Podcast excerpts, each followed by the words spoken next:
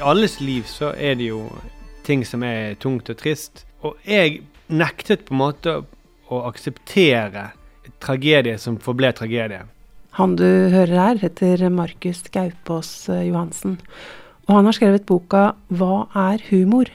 Jeg så Romeo og Julie ved en tilfeldighet på TV da jeg var ganske liten. Og så gikk jeg inn til mine foreldre og sa hvorfor er det sånn, hvorfor må voksne stykker ende i at alle dør? Syntes det, var- jeg synes det var grusomt. Og min mor forsøkte å få si nei, men det, det er jo sånn livet er av og til. Vi må jo lære om det. Og jeg husker at jeg gråt. Jeg syntes det var helt forferdelig. Og det er jo det som er tror jeg er nøkkelen til å forklare hvorfor noen blir komikere, er at de nekter å akseptere tragedie bare som tragedie. Komedie gjør noe med en tragedie, og gir en slags sånn en forløsning som ikke tragedie gir. Så for meg er komedie håp. Til daglig så lager Markus tullenyheter i 5080-nyhetskanalen og Satiriks i NRK. Men nå er han kommet hit til Universitetsforlagets podkast for å snakke med meg, Ragnhild Fjellro, om den nye boka si. Ja, og litt om det å være komiker. Komikerrollen er jo helt fri. Den er ikke bundet av som en journalist. Den er ikke bundet av eh, idealer om eh, objektivitet og nøytralitet. Men en komiker trenger, er ikke bundet av noen ting. Han har ingen redaktør på samme måte. For komedie er såpass åpent og fritt at du kan bruke den rollen til å si nesten hva du vil. Men kan du være morsom når du skriver fagbok? Eh, ja, så jeg kan være morsom sånn innimellom poengene, men jeg tror for å kunne si, fortelle deg noe nytt, så tror jeg det er vanskelig å være morsom samtidig. Mm. Det tror jeg liksom er en del av humors begrensninger. Humor det kan eh, fungere som kritikk, det kan rive ned noe, eh, gode argumenter eller gode tanker. Men det er ikke så godt til å Det kan sukre den bitre pillen, det kan det gjøre. Ja, hvordan få folk til å være morsomme? Ja, for noen så, så tror jeg nok det at det er en slags sånn forsvarsmekanisme som de har lært. Det er en sånn måte å, å unngå konflikter og sånt hjemme. Sånn som man snakker hjemme. I noen familier er det der helt i, Altså, det sitter i veggene. I min familie er det ingen som har liksom den Mine foreldre pleier gjerne å si at de, det er for lite alvor i verden. Det er veldig morsomt. Det er Det er morsomt. Uh, men sånn at jeg har måttet liksom studere dette her litt fra grunnen for å kunne forstå hva er det Jeg har vært så nysgjerrig på hva, hvordan får folk til å være morsomme. Du snakker om det tredje øyet. Ja, og dette er noe fra Seinfeld, Mm. eh, som er en av de beste komikerne til å, snakke om komedie. Det er ikke sånn tredje øye som i yoga, men det er et Det er et ekstra eh, perspektiv som, det, som er liksom distansert og fjernt fra situasjonen. Som er, han, mener, han, han beskriver det som det henger over denne samtalen her, og ser ned og tenker hvorfor har vi denne samtalen som ingen kommer til å bry seg om? Og det er jo sant, fra et sånn objektivt, litt distansert eh, perspektiv. Og fra det perspektivet, som er litt følelsesløst, litt kynisk og litt kaldt, som det er der man skriver vitser fra. Hvordan da? Eh, altså, filosofen eh, Henri Bergson han sier at eh, latter krever en, umid nei, en plutselig eh, bedøvelse av hjertet. For hvis du lever det for mye inn i en tragedie, så blir det tragedie. Eh, men hvis du ser det på litt avstand, så eh, blir det plutselig morsomt. Mm. Dette er jo også litt sånn personlig, da, men når, mine foreldre leste Donald for meg da jeg var liten, så min mor kunne ikke lese Donald, for hun satt og sa Uff, stakkar Donald. Å nei, å nei. At det levdes inn i Hun leste det som en tragedie. Mens min far, Ja. som er trent, mer trent til å lese tegneserier, og sikkert da vil det si være trent til å være kyniker. Han kunne sitte og le av Donald som falt og slo seg. Og sånn lærte jeg da. Å ja, det er sånn man skal se på den type lidelse. Jeg syns jo at du beskriver eh, Donald-humor på en veldig sånn eh, skal si, forståelig måte. Så jeg vil rette en takk til moren din for å ha åpna blikket for at ikke alle syns at det er gøy når, når Donald dummer seg ut. Fordi det du sier er Du forklarer det da for oss som da har et mer alvorlig blikk på verden, kanskje, eller ikke så kynisk, så, så forklarer du at nei, men det, det er greit å le av Donald, for han er egentlig ikke så snill, sier du.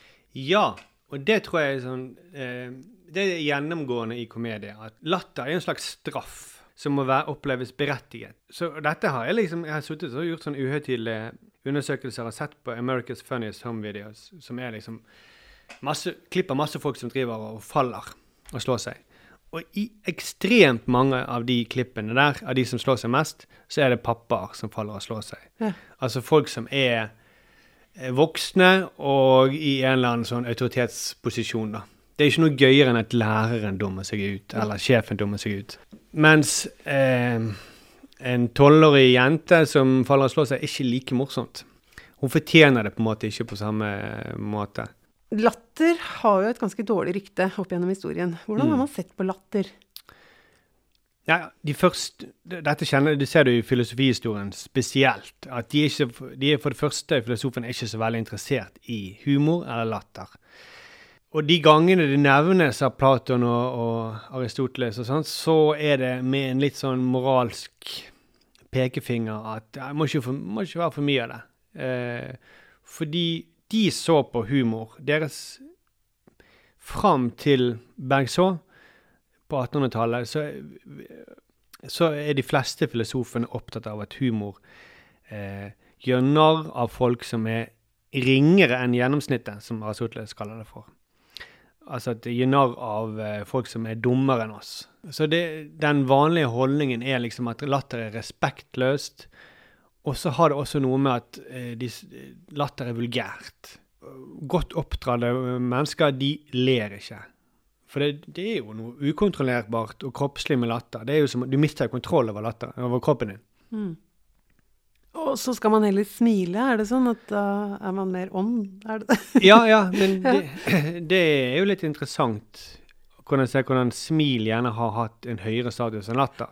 For smil er kontrollert, eh, og det er en slags eh, tydeligere tanke bak et smil eh, enn en latter, hvor du bare slipper alle tanker. Du slipper alt eh, all- all kontroll.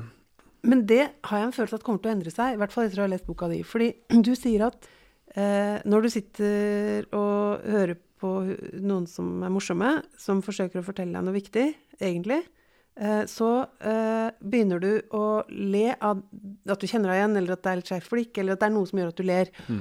Og så skjønner du gjennom kroppens reaksjon ved å le at fader, jeg er jo enig i det han sier. Ja, Og det trodde ikke hodet mitt at jeg var. Nei, sant? nettopp. Ja, nei, og jeg, jeg har jo sjøl opplevd det noen ganger, at for det, for, fordi at det er nettopp en kroppslig reaksjon. Så når du ler, så er det bevis Altså, det er en slags ufrivillig betroelse å le. At når, når jeg ler av noe du sier, så er det sånn Ja, faen, du har jo egentlig rett. Og det beviser kroppen min. For en god vits lurer Den går forbi intellektet. Den sniker seg unna den sperren som intellektet mitt har satt opp, og så kan jeg le av det likevel. Jeg kaller det for en sånn uh, ihukommelsens eureka, at man kommer på Ah, faen. Det, det er sånn det er. Ja. Og det er kroppen min som kjenner det først. Før, før hjernen min. Hva er det du kaller det? Ihukommelsens? Ja, at du husker tilbake. Aha. At du husker tilbake til det du egentlig vet. Jeg, jeg, det slo meg noen ganger, for det, dette er jo også mm, Platon, Platons dialoger, så går jo eh, Sokrates rundt og plager folk i Aten og spør eh, hva er det vakre? Og så må folk si jo, nei, det er sånn og sånn. Ja, men har du tenkt på det og det? Og så klarer han å presse de fram til å egentlig komme på det de egentlig vet, da. Og det er jo for Platon er sann kunnskap, det er å huske tilbake til Ja. det du egentlig vet. Og sånn fungerer komedie. Han mener at eh, sannhet opp, en sannhet oppleves intuitivt fordi den er intuitiv. altså den eh, En ekte sannhet, sannhet kan bare oppleves intuitivt, mener Platon. Det kan man diskutere, men sånn er, fungerer sannhet i humor, at den må appellere til intuisjon.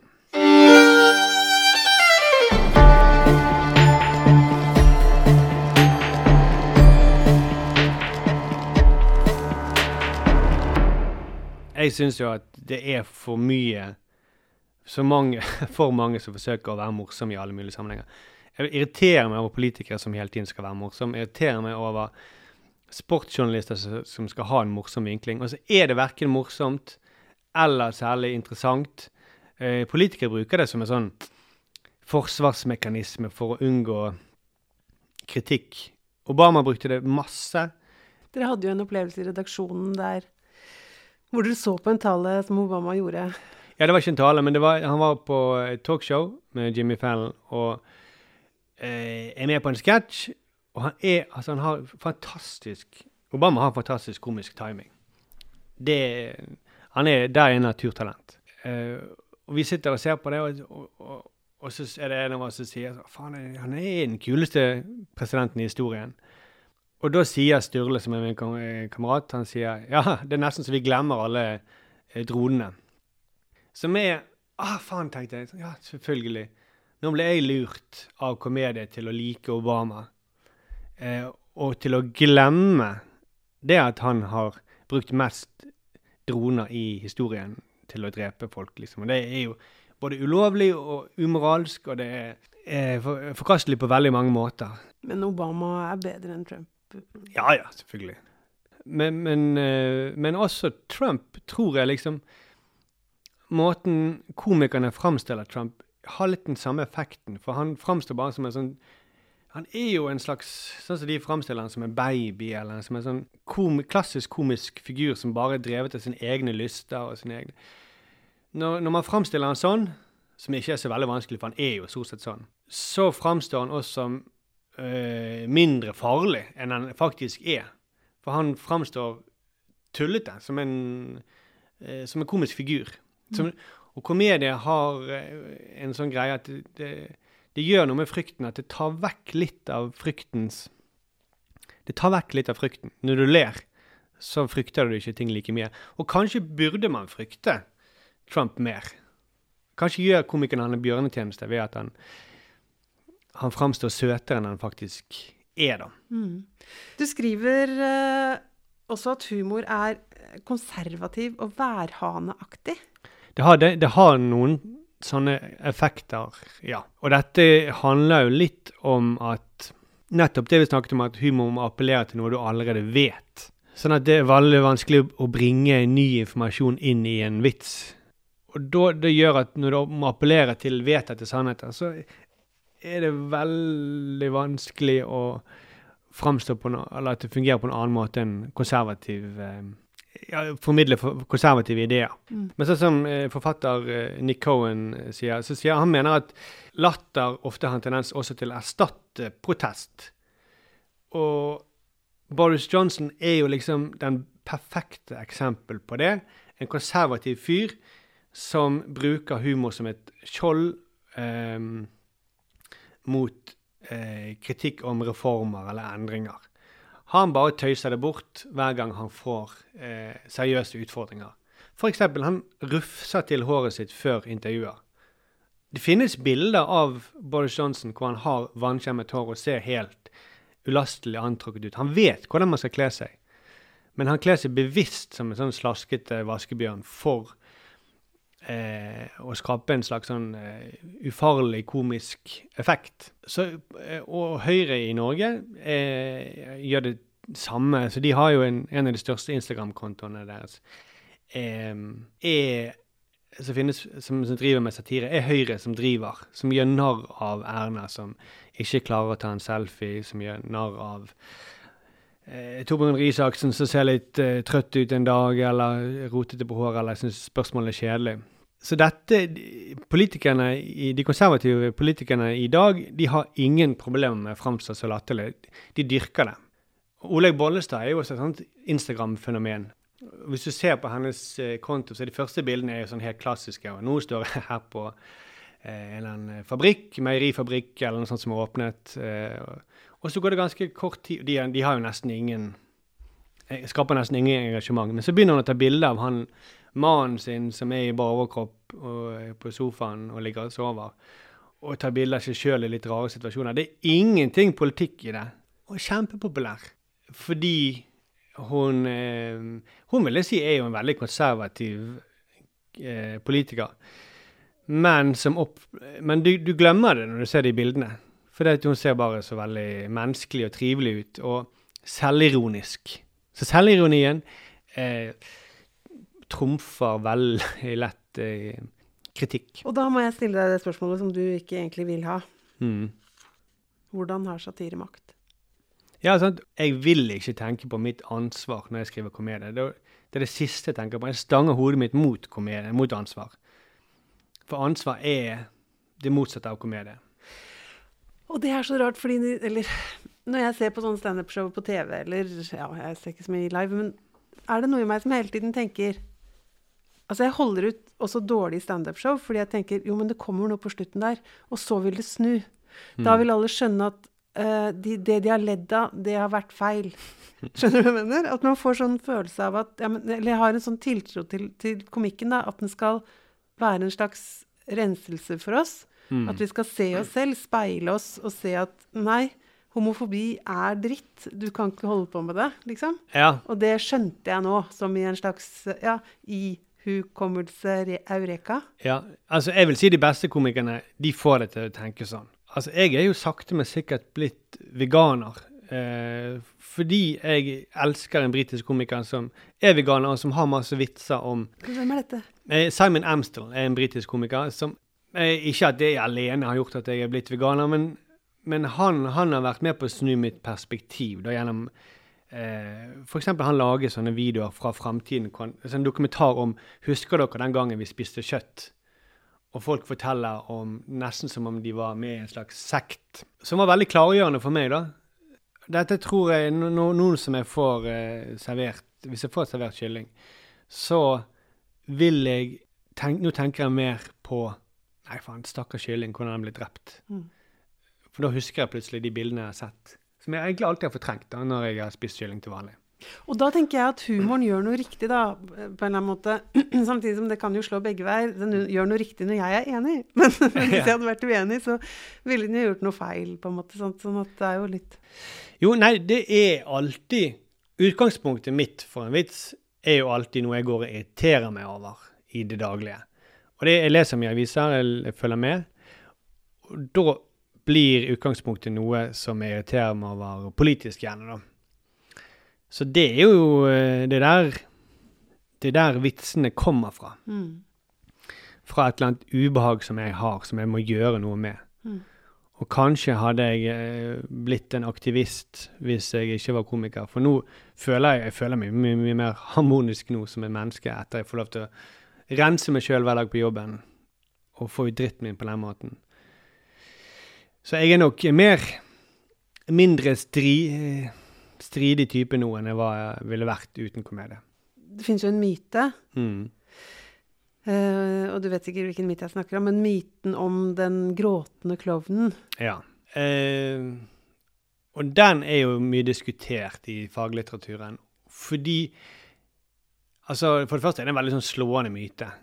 I, de kaller det for Pierrot i kunsthistorien. Eh, en sånn klovn i hvite eh, eh, gavanter som har sånn, litt sånn side klær, som har alltid malt med en liten tåre under øyet. Men det er nok en myte som har eh, overlevd mye fordi at den er veldig forførende. At det tullete, glade ytre skjuler egentlig en veldig sånn sørgmodig sjel. Og det er sånn Ibsensk drama. At her er det frontstage, backstage. Men jeg tror det er noe sannhet i det òg. For jeg kjenner jo veldig mange komikere. Jeg vet jo hvordan veldig mange av de sliter med angst. Eh, hvordan de sliter med den er en, vet, ikke, om du husker Dame Edney? Jo, hun husker jeg. Han, Ja, hun, han, hen. han som spilte en kvinne. Ja. Eh, han skuespilleren fortalte at han, han taklet ikke å forholde seg til andre mennesker. Så det var veldig vanskelig. Så når han gikk ut på en scene, så tenkte han du, tenkte, ah, endelig alene. For du slipper å forholde deg. Du kan styre alt sjøl. Men helt ubrukelig i sosiale situasjoner. Men på en scene har du full kontroll. Eh, og sånn tror jeg nok det er for meg også. Jeg synes, kan synes at mange sosiale situasjoner kan være veldig vanskelige. Jeg er en nevrotisk type, som jeg tror veldig mange komikere er. Og da er komedie et verktøy eh, til å behandle Altså, jeg har nok en slags snarvei inn til den verden av eh, vonde, litt sånn eh, Jeg ser jo ver Hvis du ser verden fra en nevrotikers synspunkt, så ser du lettere alt som kan bli komedie, tror jeg. Det er litt sånn tilbakelent, og du ser tragedier overalt, og du ser farer overalt. Så jeg tenker det sånn som at en komiker er kanskje ikke nødvendigvis nevrotiker, men må iallfall være nevrotiker i gjerningsøyeblikket, idet han forteller en vits. så må du være nevrotisk. Du må se verden fra et nevrotikers synspunkt. Og hams, jeg på, Sult, for eksempel, jeg har alltid tenkt på, det er jo en typisk komisk figur. Han hovedpersonen der. Eh, han er like dum som, en, som en Homer Simpson. Som, han har penger, og så gir han Når han endelig får penger, han går rundt og sulter, så gir han det til en tigger for, for å framstå som eh, For å ikke vise at han, han er på hans nivå. og det eh, Så jeg har tenkt på noen ganger det hadde vært gøy å skrive den om til en komedie. For å få fram litt hvor, hvor nært komedie og, og, og tragedie egentlig er knyttet. da. Det er bare litt på måten du ser det på. Hvis du hadde skrevet 'Sult' med litt perspektiv, så hadde det vært veldig morsomt, tror jeg.